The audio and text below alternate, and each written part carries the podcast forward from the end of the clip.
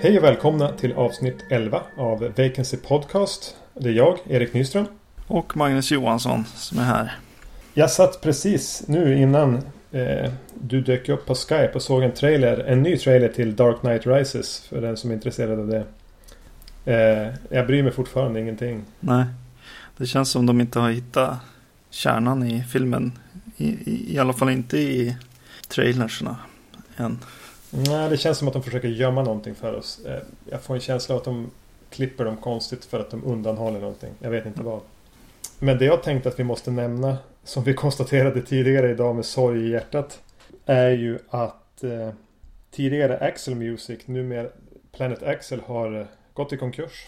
Ja, ja det, det är lite panik. Jag, jag såg lite folk också på Facebook och så som undrade vart man skulle vända sig nu. Och det, inklusive mig. Ja, jag, jag är också... jag vet inte. Så jag det här brukar- kommer därmed även att vara det sista avsnittet av Precis. Ja, nej jag, jag köper ju det mesta därifrån i alla fall USA-utgåvor. Mm, jag med. Så ja, nej, man får tänka om där helt enkelt. Man får googla helt enkelt. Ja, precis. Börja om från början. nej, jag vet inte. Det är många år som man har handlat där. Ja, jag är också sådär att om jag väl hittar någonting som fungerar så bryr jag mig inte så mycket om att jaga efter ett ställe som kanske är lite billigare utan eh, känner jag mig trygg med en, en leverantör så då har de mina pengar. Mm. Och mina pengar har legat i den här danska butiken i säkert nästan tio år. Ja. ja, men eh, de räckte tydligen inte till. Nej, det var för lite. Ja, Eh, ni kan väl mejla in tips på någon annan bra försäljare av eh, USA-utgåvor eller Region 1 eller Re- Region A heter det på Blu-ray. just det. Till eh, podcastetvacancy.se Mm. Ja, någon som har skrivit in till oss. Det är Hugo.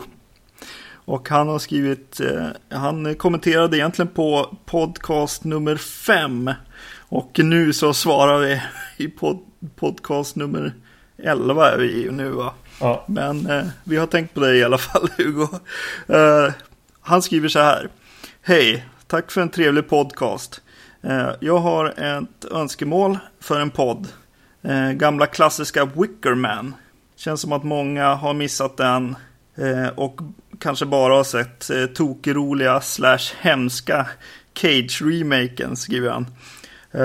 Och så skriver han gärna en jämförelse med remaken och även kanske kolla upp den här nya The Wicker Tree. mm och det högg vi på.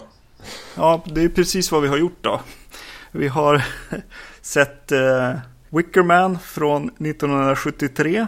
Vi har sett The Wickerman från 2006. Och vi har sett The Wicker Tree från 2010. Japp. Jag letade efter en, egentligen efter en anledning att få strax innan vi fick den där kommentaren från Hugo att eh, fick jag ett sug av att se Wicked Tree av någon anledning som jag inte hade sett. Och tänkte att ja, men det skulle väl kunna vara någonting att göra på podden. Och två dagar senare fick vi det där förslaget så jag var väldigt het på att föreslå det som ett avsnitt. Eh, vi kommer väl att avhandla de här i den ordning de kom. Vilket då betyder att vi börjar med Wickerman. Eh, jag tror det var förra helgen när jag var lite stressad över filmer jag skulle hinna se för att för podden så drömde jag att vi spelade in eh, Wickerman avsnittet. Eller jag drömde i alla fall att jag eh, berättade vad den handlade om. Så jag har redan gjort det. Men jag kan ta det igen. Eh, en polisman kallas ut till en ö eh, via brev. Han får ett brev därifrån där någon hävdar att ett, ett barn har försvunnit. Han tar sin, sitt flygplan och åker ut själv. Landar i vattnet utanför. Kommer i land och eh, först verkar det som om ingen eh, känns, känner till det här barnet. Det vis, verkar som att de som är byborna på ön är väldigt hemlighetsfulla och de verkar dessutom som att de definitivt inte ägnar sig åt kristendom utan snarare någon äldre form av religion. Och han nystar i mysteriet med den försvunna flickan. Just det.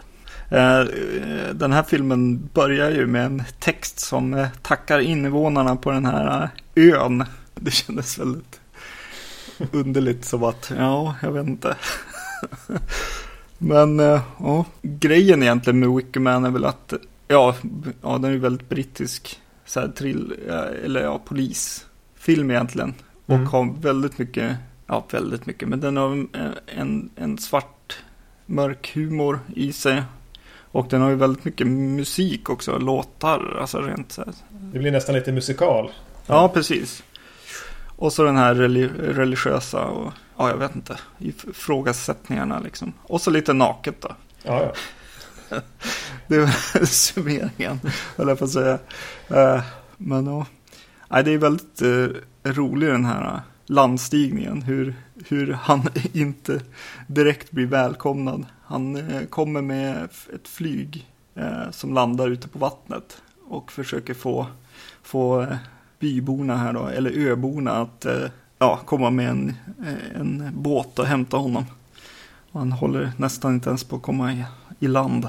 Men ja, och så sen är de ju väldigt mystiska alltså. Känner inte alls igen den här tjejen. Och så när han börjar prata om vem som förmodligen är tjejens mamma som står i brevet också. Så säger de, ja just det, ja men, jo, men hon har vi här. Så här. Men, men det där är inte hennes, hennes dotter. Nej, det känns som den fortsätter så. Det är väldigt mycket så här mystik, men också med lite så här glimten i ögat känns det som. Ja, det, lite så gör den väl nästan narr av de här små kufiska byborna med sina pittoreska seder. Alltså den, den skruvar till det lite extra. Det måste ju ha varit en rik eller det måste ju vara en riktig sån här.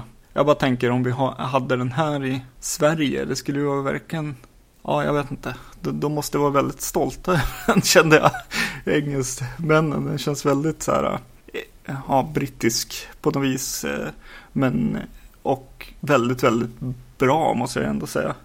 Och eh, man, man märker det i, i annan brittisk film. Bland annat den här Hot Fuzz-komedin.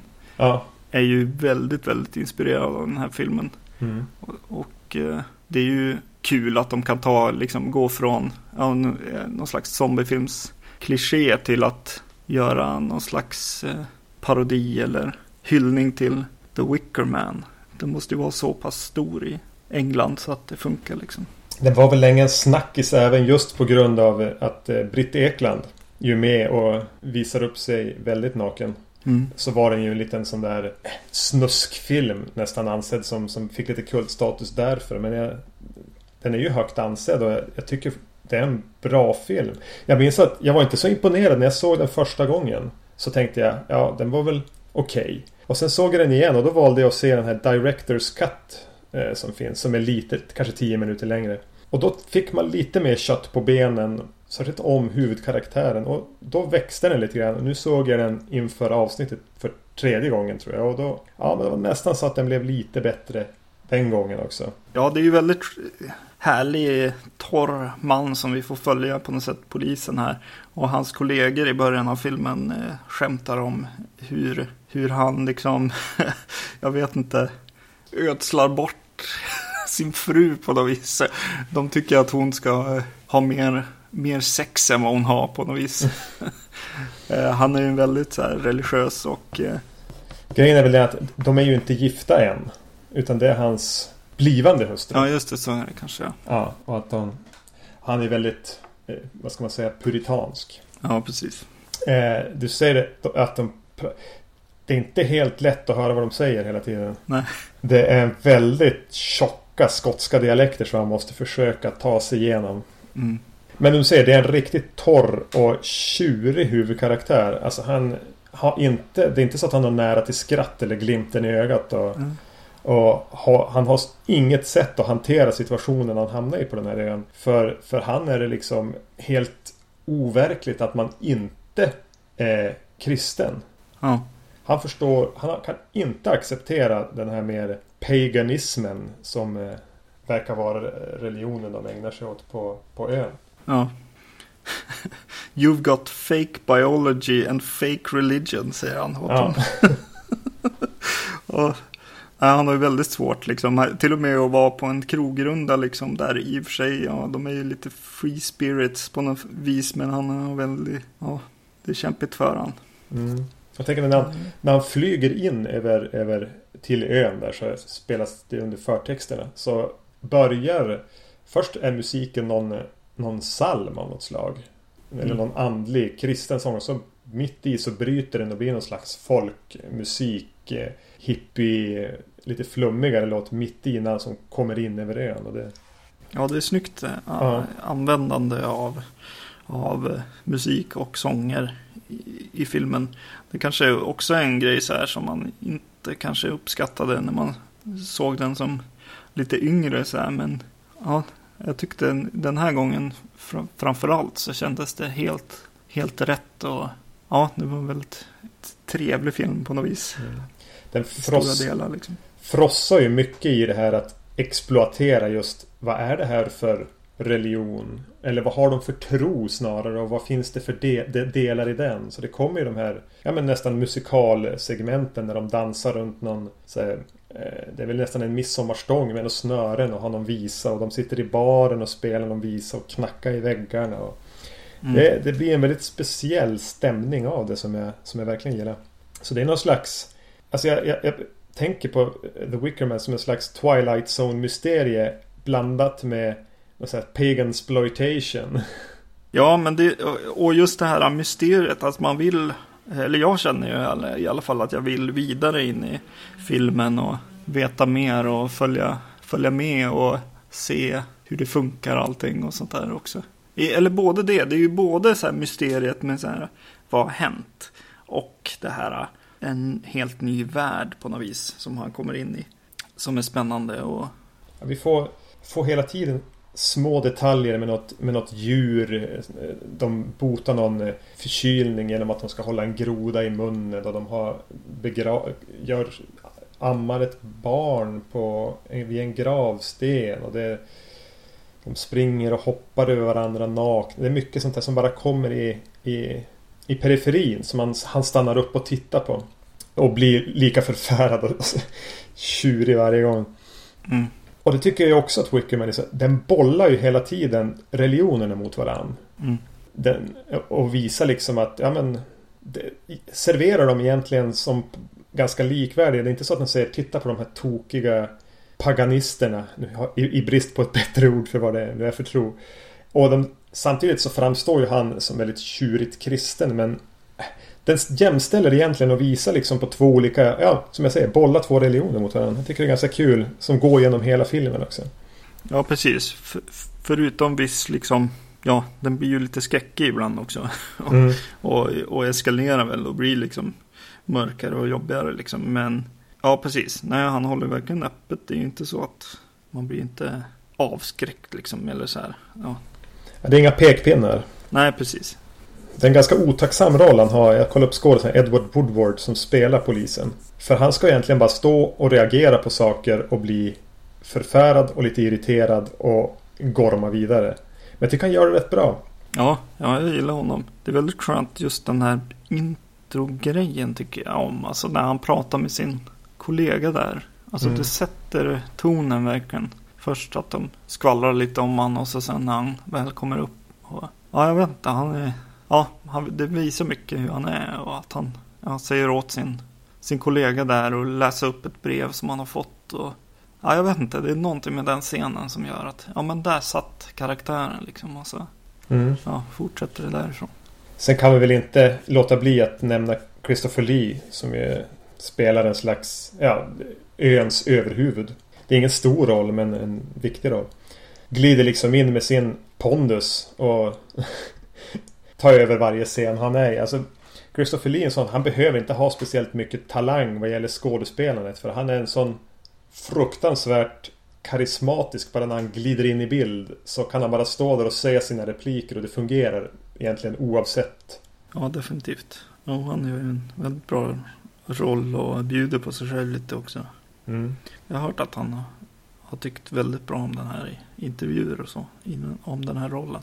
Ja, han har väl sagt att det är bland det, bland det bästa han gjort. Nu vet jag inte om det var någonting han sa innan han började göra Sagan om ringen och, och sånt där. Men han har i alla fall länge hävdat Star att... Star Wars. Star Wars, precis. mm. Ja. Men den här är också... Ja, är bra. Eh, kom ju mitt i när eh, engelsmän...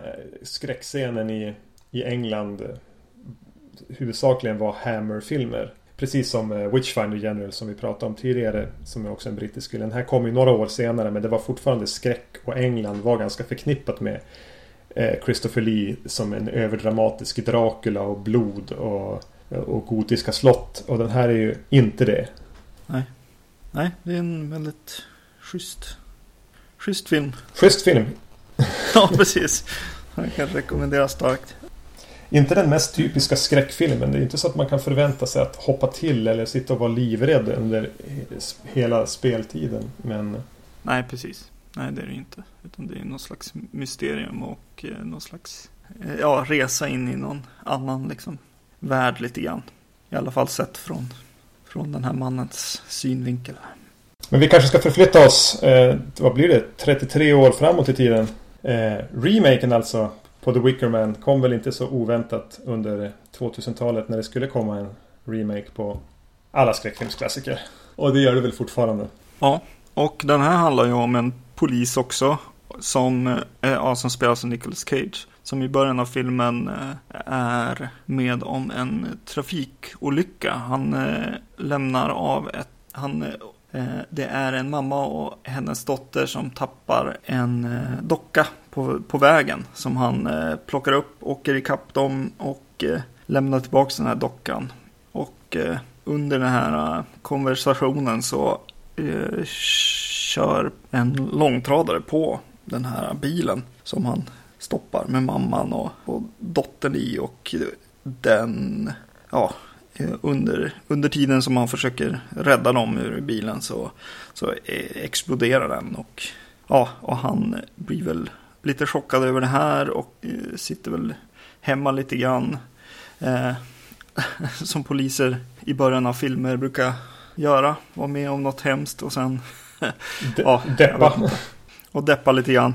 Och sen dras han in i en historia då. Han får ett brev också. Som i originalet från sin före detta flickvän eller fästmö till och med. Mm. Tror jag att hon var. Och eh, som har lämnat honom tidigare flera år tidigare och eh, flyttat hem till eh, Summers Isle, alltså där hon kommer ifrån. Eh, och hon skriver om att hennes dotter är försvunnen och att han bör komma dit. Vilket han gör. Och möts av kvinnliga bybor. som, ja.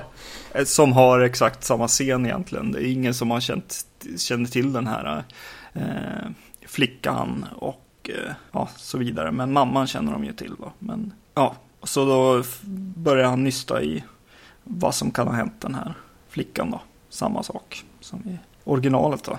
Ja. Små, eh, små justeringar och en liten ramhistoria med, med, i inledningen. Men i övrigt i princip samma film. Ja. Men ändå inte. Nej, precis. Den här filmen är ju, har ju tagit bort en del av de här ingredienserna egentligen. Eh, framförallt känner jag att den har tagit bort musiken och sångerna av det. Och bytt mm. ut det mot eh, Angelo Badalamenti skräckmusik egentligen. Istället. Ja. Och eh, bytt ut en del av de här. Eh, ja, och det nakna har de tagit bort också kände jag. Att, att den är inte så här risk, risky direkt. Utan eh, det känns som att det har bytts ut mot eh, att eh, gå omkring i i mörkret med ficklampor och lite mm. mer klassisk eh, amerikansk skräckfilm på något vis. Precis, det, det, tänkte jag också med att de har slängt in. Jag räknade till, till tre sådana scener de har verkligen har kastat in i filmen för att göra den mer klassisk skräck. Det är en scen när han eh, nästan han, jag undersöker någon lada och golvet ger vika och han blir hängande och det är jättedramatiskt. Och sen en scen när han sitter ute, han vill komma tillbaks ut till planet som har fört honom Han sitter ute på en, på en brygga och, och väntar och det, det händer grejer. Sen är det en, en, även en krypta som har blivit vattenfylld. Som han undersöker och det blir väldigt påklistrade, helt onödiga scener som bara är där för att jag antar att de är rädda att publiken ska somna annars. Att det blir för mm. stillastående.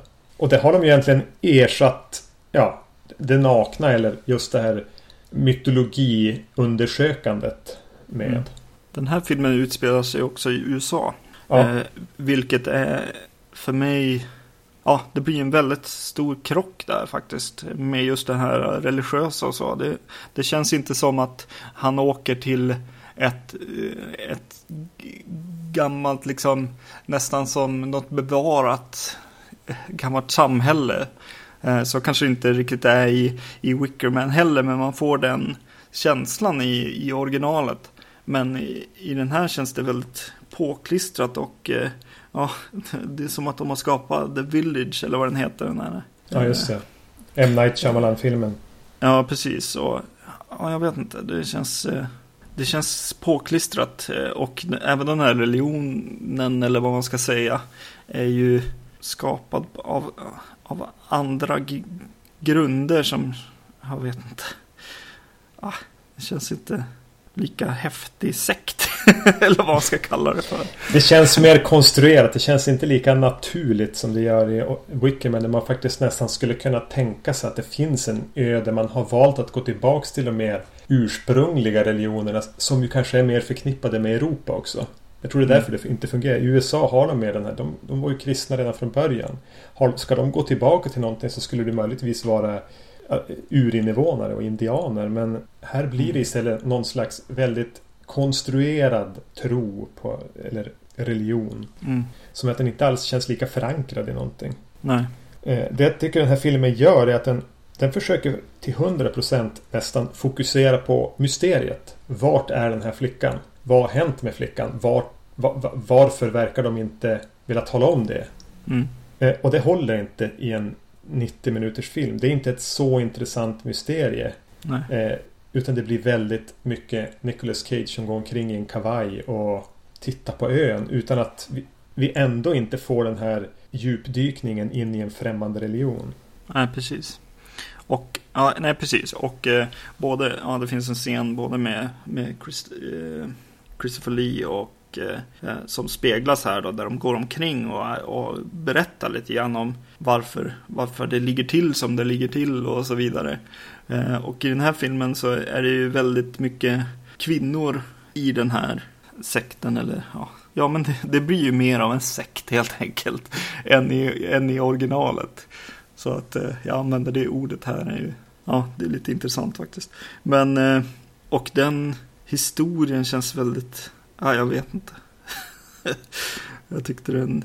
Det, det, känns inte trovärdigt på något vis. Den känns överkonstruerad liksom. Mm. Av, av manusförfattarna. Plus att de har ju inte låtit den vara... I originalet bibehåller de någon slags objektivitet. Här så ska ön direkt vara lite sjuk och kuslig. Det är något så här blinda tvillingar och det är alltså massor med ganska fåniga idéer ett tag satt jag och tänkte att ja, men det bästa, det som är rätt schysst med den här filmen är att det faktiskt är en film som har betydligt fler kvinnliga än manliga roller, talroller. Det är egentligen bara Nicolas Cage som är den manliga rollen.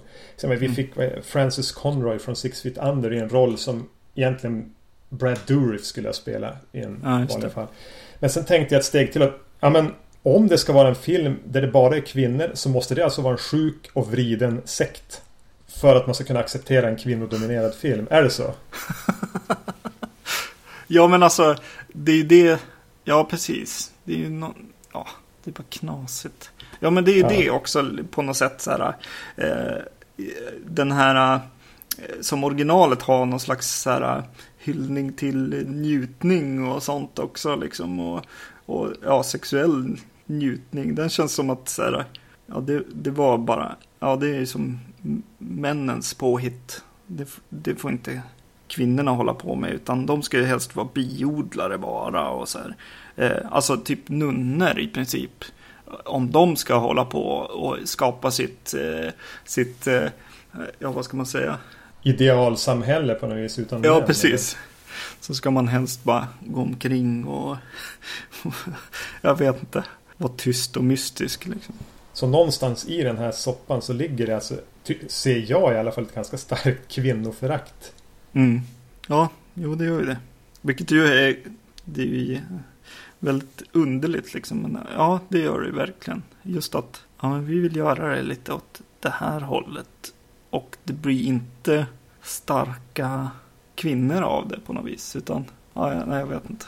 Det blir galna sektmedlemmar istället. Ja, Det var enda sättet att rättfärdiga en, en film som domineras av kvinnliga roller, tydligen. Men eh, de balanseras ju å andra sidan upp av eh, Nicolas Cage. Nu pratade vi innan att vi inte ska gå in och skratta och göra oss roliga över alla de här scenerna. Vi, vi, vi lägger upp ett YouTube-klipp eh, i samband med avsnittet för Ja. de som vill ha roligt åt Nicolas Cage som... Jag antar att han tröttnade lite på filmen. Jo, men också, jag tror också att han, jag tror någonstans att han har, han är den som ser, ja, kanske ser den här äh, lite mörka humorn i originalet och vill, vill framhäva den lite grann kanske. På vissa tillfällen liksom. Och så är han ju bara Nicolas Cage liksom. Ja, han, går... och han går ju verkligen inåt och försöker göra något med huvudkaraktären. Eh, jag säger inte att han lyckas. Men han verkar ha ganska kul när han misslyckas. Och han är ju på något sätt ganska rolig att titta på. Ja, jag tänkte på det, vet du, det, det är ju inte Nicolas Cage som liksom på något sätt förstör filmen om man, om man skulle tycka illa om den här filmen. Det känns som att det, det ligger redan en, en riktigt ja, dåligt manus eller vad man ska säga. Lite, Mm. lite så här förargelseväckande liksom, manus med de här, ja, den här kvinnosekten. Är, det funkar ju inte som det borde. Eller borde man inte tycka att de har det bra? Nej. Alltså, för jag tycker inte att de har det bra. Nej. eh, i, I den här ja, miljön som de har skapat för sig själva. Liksom. Mot för liksom i, i The Wicker Man så verkar alla liksom leva lyckligt på något vis. Mm, medan så här är det ett förtryckarsamhälle med, eh, som verkar göra ganska mycket grymma saker. Mm. Eh, Den här ramhistorien de har eh, limmat på då. Eh, vad gav den dig? Ja, Jag vet inte om det här är att spoila någonting men var det bara jag som inbillar mig att det aldrig var någon i den där bilen? De, man får se klipp tillbaks en flashbacks på det och då verkar det som att det kanske inte var någon i bilen. Och de pratar ju, tycker jag mig, jag kan ha hört fel. eh, Att de i början säger att we never found the bodies. nej precis. Nej, det verkar ju eventuellt att stämma. Ja. Men sen då? Ja precis, vad tillför det den här historien? Varför ha ett sånt mystiskt början som vi sen får delar av under filmen? Ja, det kanske är förknippat med hon eh, som har lämnat honom helt enkelt. Ja. Känner du att du ville lägga någon mer tid på den här filmen i ord? Eller? Nej, jag vet inte. Det känns inte, inte riktigt värt att se den här filmen ändå. Eh, en ganska tråkig misslyckad. Nicolas Cage är ju rolig på det viset att man, eller jag i alla fall, tycker som illa om han. När jag tänker på honom. Men jag ser nästan allt som han gör. Och liksom, det är en väldigt konstig liksom, kontrast egentligen. Du har ett ganska sjuk relation till Nicolas Cage. Ja, ja, men det är ju någonstans att han ändå är underhållande fast att han ah, inte passar in alltid i, i det han gör. Vilket, ja, på något sätt ändå är underhållande. Har du sett den här Season of the Witch till och med? Nej, den har jag inte sett. Nej, inte jag heller. Nej. Nej, det här är alltså en, en skräpfilm. En eh, skräpfilm full av kvinnoförakt, dåligt manus och onödiga skräcksekvenser. Så vi skippar den va? Ja, den kan vi skippa. Det är lite synd. Nicolas Cage har ju uttryckt sig om att han, han verkligen älskar originalet och ville verkligen göra remaken här. För han har ju producerat den här. Och det är lite underligt vart de, vart de hamnade på något vis. Man kunde hamna så snett. Väldigt, väldigt snett. Då kommer regissören till originalet, Robin Hardy, tillbaks eh, 2010 och får för sig att jag ska göra en till Wickerman-film eller En syskonfilm, typ. Ja, precis. Med samma, liksom, vad ska man säga, ingredienser. Som han själv Mm. på något extra material säger är just humorn och musiken och, och sådana element egentligen. Att lägga det i en skräckfilm, vilket han saknar bland an, andra regissörer, verkar det som. Vill, vill du berätta om vad den handlar om, den här The Wicker Tree då, från 2010? Det kan jag göra. Den handlar alltså om två eh, amerikanska uh, unga personer som är förlovade och ska gifta sig. Hon är en slags uh, country pop artist eh, som även är djupt religiös i någon sån här born again rörelse. Och hon och hennes pojkvän som är någon cowboy. En ung eh, cowboy. Åker till, till eh, ska då under två år missionera Guds kristna lära. Och åker till eh, det tydligen mest ogudaktiga landet i världen, nämligen Skottland. För att eh, missionera. Och där stöter hon på en, en by där de inte verkar vara speciellt förtjusta i kristendom utan hänger sig åt en, någon annan diffus religion. Och eh, byborna verkar även vara väldigt glada att se dem där. Känns det bekant? Ja, precis. ja, jag tyckte det var så roligt i början hon, när de ska visa att hon är så här eh, en stjärna inom country så, så åker hon limo till en sån här barndance typ och uppträder där. så här, riktigt så här logdans ställe typ. Så, här, ja, så åker hon limousin. Jag tänker på hon eh, Miley Cyrus eller någon liksom. Ja, sån, var... sån artist. Eller våran svenska Amy Diamond också. Ja. det är någonstans dit jag tror syftet är att tankarna ska gå någonstans ditåt också. Mm. Jo, precis. De, de, de åker specifikt till den här staden som, ja, som de här amerikanska kristna eh, har då pinpointat att de där, där behövs det miss, missionärsverksamhet. Eh, och eh, ja, de träffar ju, ja vad ska man säga, stadens överhuvud på något vis, vilket är, egentligen är en, en affärsman som eh, väl driver ett kärnkraftverk. Ja, han är ju i princip Montgomery Burns i Simpsons och han säger även det i filmen. Ja, eh, precis. Eh, han kallar Montgomery Burns för Monty Burns i filmen. Ja, som att de är kompisar. Ja, precis. Som att man känner honom.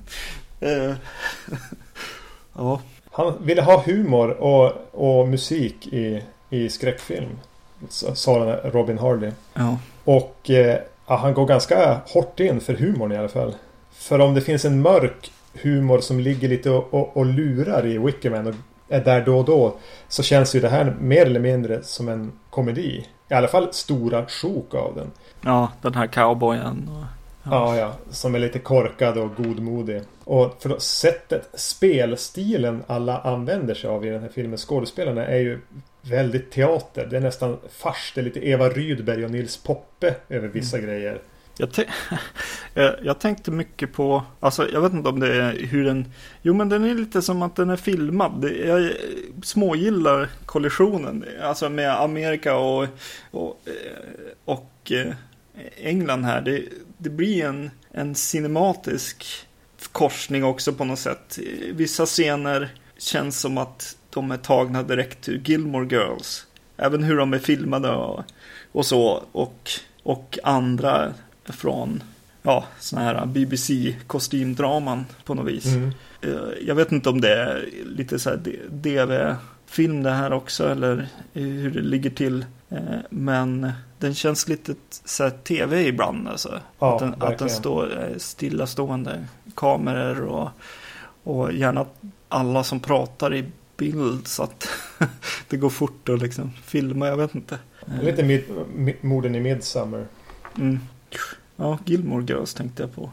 Ja. Mycket dialog. Alltså rent eh, alltså hur de filmar Inte kanske liksom snappy dialog och allt det där utan nej, rent den visuella. Jag har inte sett så mycket Gilmore Girls så att jag riktigt kan identifiera den visuella stilen. Åh oh, shit alltså. Du vet att vi just tappade alla våra lyssnare nu. ja, ja. Jag, jag skyller på frugan. Gör det du. Mm. Det är lite så här Skottland vs USA den här filmen. Om det förra var kristendomen vs pagan så är väl det här också det. Men det är verkligen de, ja, alltså de, det är som att de har tagit USA och gjort det till det här extremt bibeltokiga idioterna. Medan Skottland består av de här eh, genuina eh, salta eh, gossarna. Mm. Salta kanske man inte säger om annat än sjömän men ni förstår vad jag menar. Det, det är skäggiga bybor med pipan och med fötterna på jorden medan som hela tiden nästan driver med de här missionärerna. Ja. Återigen så har den ju inte riktigt den här objektiviteten eh, som jag kan tycka att Wickerman har. Utan här så ska de verkligen driva med eh, de kristna born again bibelfantasterna hela tiden. Åtminstone i början av filmen. Jo, det gör de ju verkligen. Eh, ja, just det. Originaltiteln på den här tiden var ju Cowboys for Christ också. Va? Är det så? Det hade de. Ja, den hette det ganska länge också. Även på IMDB stod det liksom att Robin Hardy jobbar med sin uppföljare till Wickerman och den ska heta Cowboys for Christ. Ja, det visste inte jag om. Ja, shit alltså. Den här cowboyen alltså. Det är som... Ja, men jag vet inte. Han är ju från en sitcom. Alltså, känns det som. Han, Ja. ju, han är ju Joey i Vänner eller någonting liksom. Riktigt så här överdriven i sin karaktär. Du är den där lite dumma liksom. Unga cowboyen. Godmodiga, ja. Men den är ju full av bizarra idéer. Eh, Alltså, bland annat så är det en, en av de riktigt tokiga byborna släppa runt på en, en korp är det väl? Eller om, ja. Och i- med jämna mellanrum får vi då se korpens perspektiv i något slags Raven Vision. Mm, just det. Med lite blå, som inte har något som helst syfte egentligen i filmen. Utan vi, det som bara är för att knorra till det. Och vi får även Ja. då så här direkt sexkomediscener med något par som ska ha eh, sex, sju gånger på ett natt eller vad det är. Och. Ja. det kändes lite så här svenskt 70-tal gladporr. Mm. Inte för att det var så mycket sex men ändå. Vibbarna var lite där. Just den här äh, härliga när de eh, kolliderar de här två, ja inte bara religionerna utan liksom samhällena eller vad man ska säga. Hon, hon försöker ringa någon i, i en av de, bybornas telefon. Ja just det. Som är sån här eh, rull, alltså vad heter det? Jag menar en skiva som man snurrar på. Ja just det, skivtelefon heter det så. This is crazy, how do you do this? Säger hon. Det är lite roligt att ja, eh, hon har aldrig sett en sån telefon överhuvudtaget.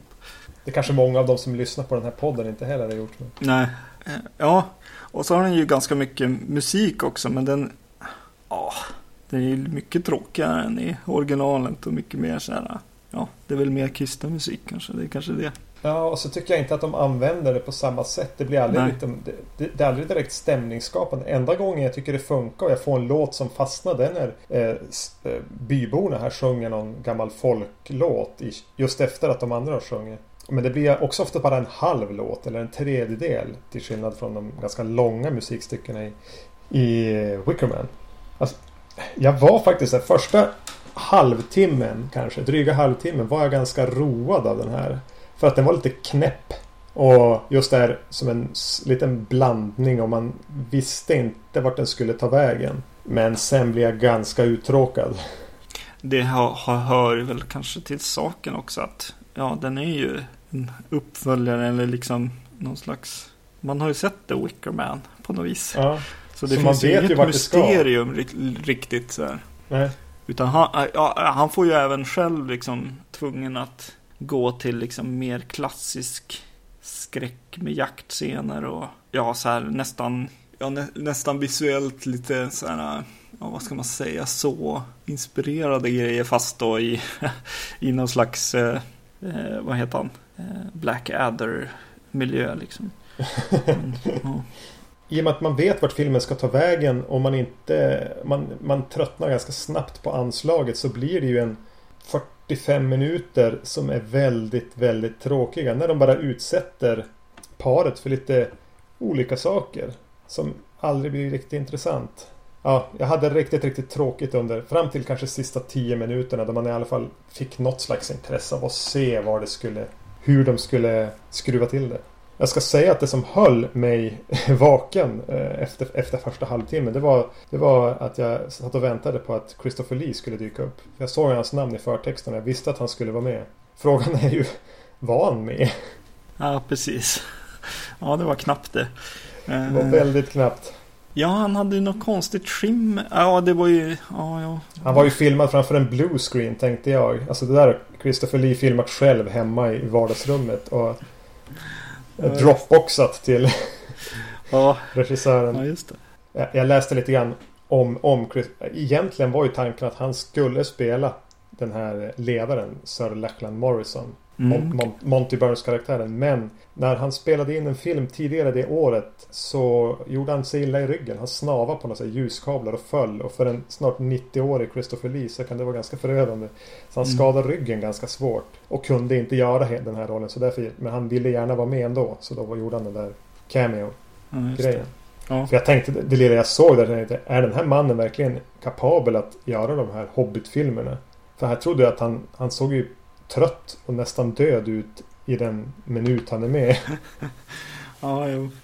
Ja, när jag såg någon annan skräckis som han var med i. Som man, men eh, då var han ju tänkt att vara liksom döende. Men det var lite läskigt nästan att se honom. Eh, men eh, ja, jag tyckte ändå att någonstans så tyckte jag att så här, om det, ja, när det ändå var den här filmen då den hade så här glimten i ögat så tyckte jag ändå att så här, den här lilla plotten som fanns, det mörka liksom baktankarna som fanns i, i filmen var för, för den här filmen var ganska kul tyckte jag på något sätt. De, de pratar om något, något vattendrag som är magiskt i, i filmen som, ja, som visar sig ha lite, ja, det är lite mörkare än vad man Ja, tror. Ja, shit alltså. Nej, det, är- det är ju, ja det är kul. Det var ju ända liksom när det börjar bli lite mörk humor på något vis. Som det, ja det, det är ingen äppelskörd som slagit fel här. nej. nej, jag vet inte. Jag såg ju, jag såg ju den här och, och eh, remaken på The Wicker Man på samma dag tror jag. Om, om jag bara hade sett originalet och den här hade jag eh, nog varit mer negativ än vad jag faktiskt var när jag såg den. Ska jag nog säga. Det var så att jag kunde ta mig igenom och den, den visste den bytte scener och sånt där.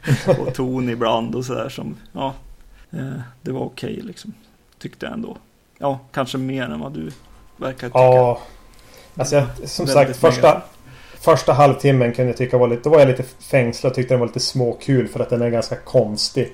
Och lite, lite rolig och, och verkligen inte som man tänker att en Wickerman för 2000-talet skulle vara. Den, den är ju som på gränsen till att vara lite pinsam stundtals. Och det kunde jag uppskatta på något vis. Men sen tyckte jag den blev ordentligt tråkig i alldeles för länge. Ja, jo men det är väl det. Man försökte hitta den liksom i början och det höll en igång ett tag liksom. Bara, Mm. Vad är det som händer? Liksom vart, vart ska jag lägga mig som, som observatör av det här eller på att säga. Nej, men, eh, men sen började jag traggla på ja. Jo, och även det här skräckgrejer, jaktgrejer och så här, hitta. De faller ju in på liksom hitta likskräck och lite sånt liksom. Eh, Kunde de kanske skippa va? Ja, de var inte alls li lika bra som, ja, som ens den här Wickerman gör det. Eller remaken liksom. De har, har i alla fall ljussättningen rätt liksom. Mm. Ja.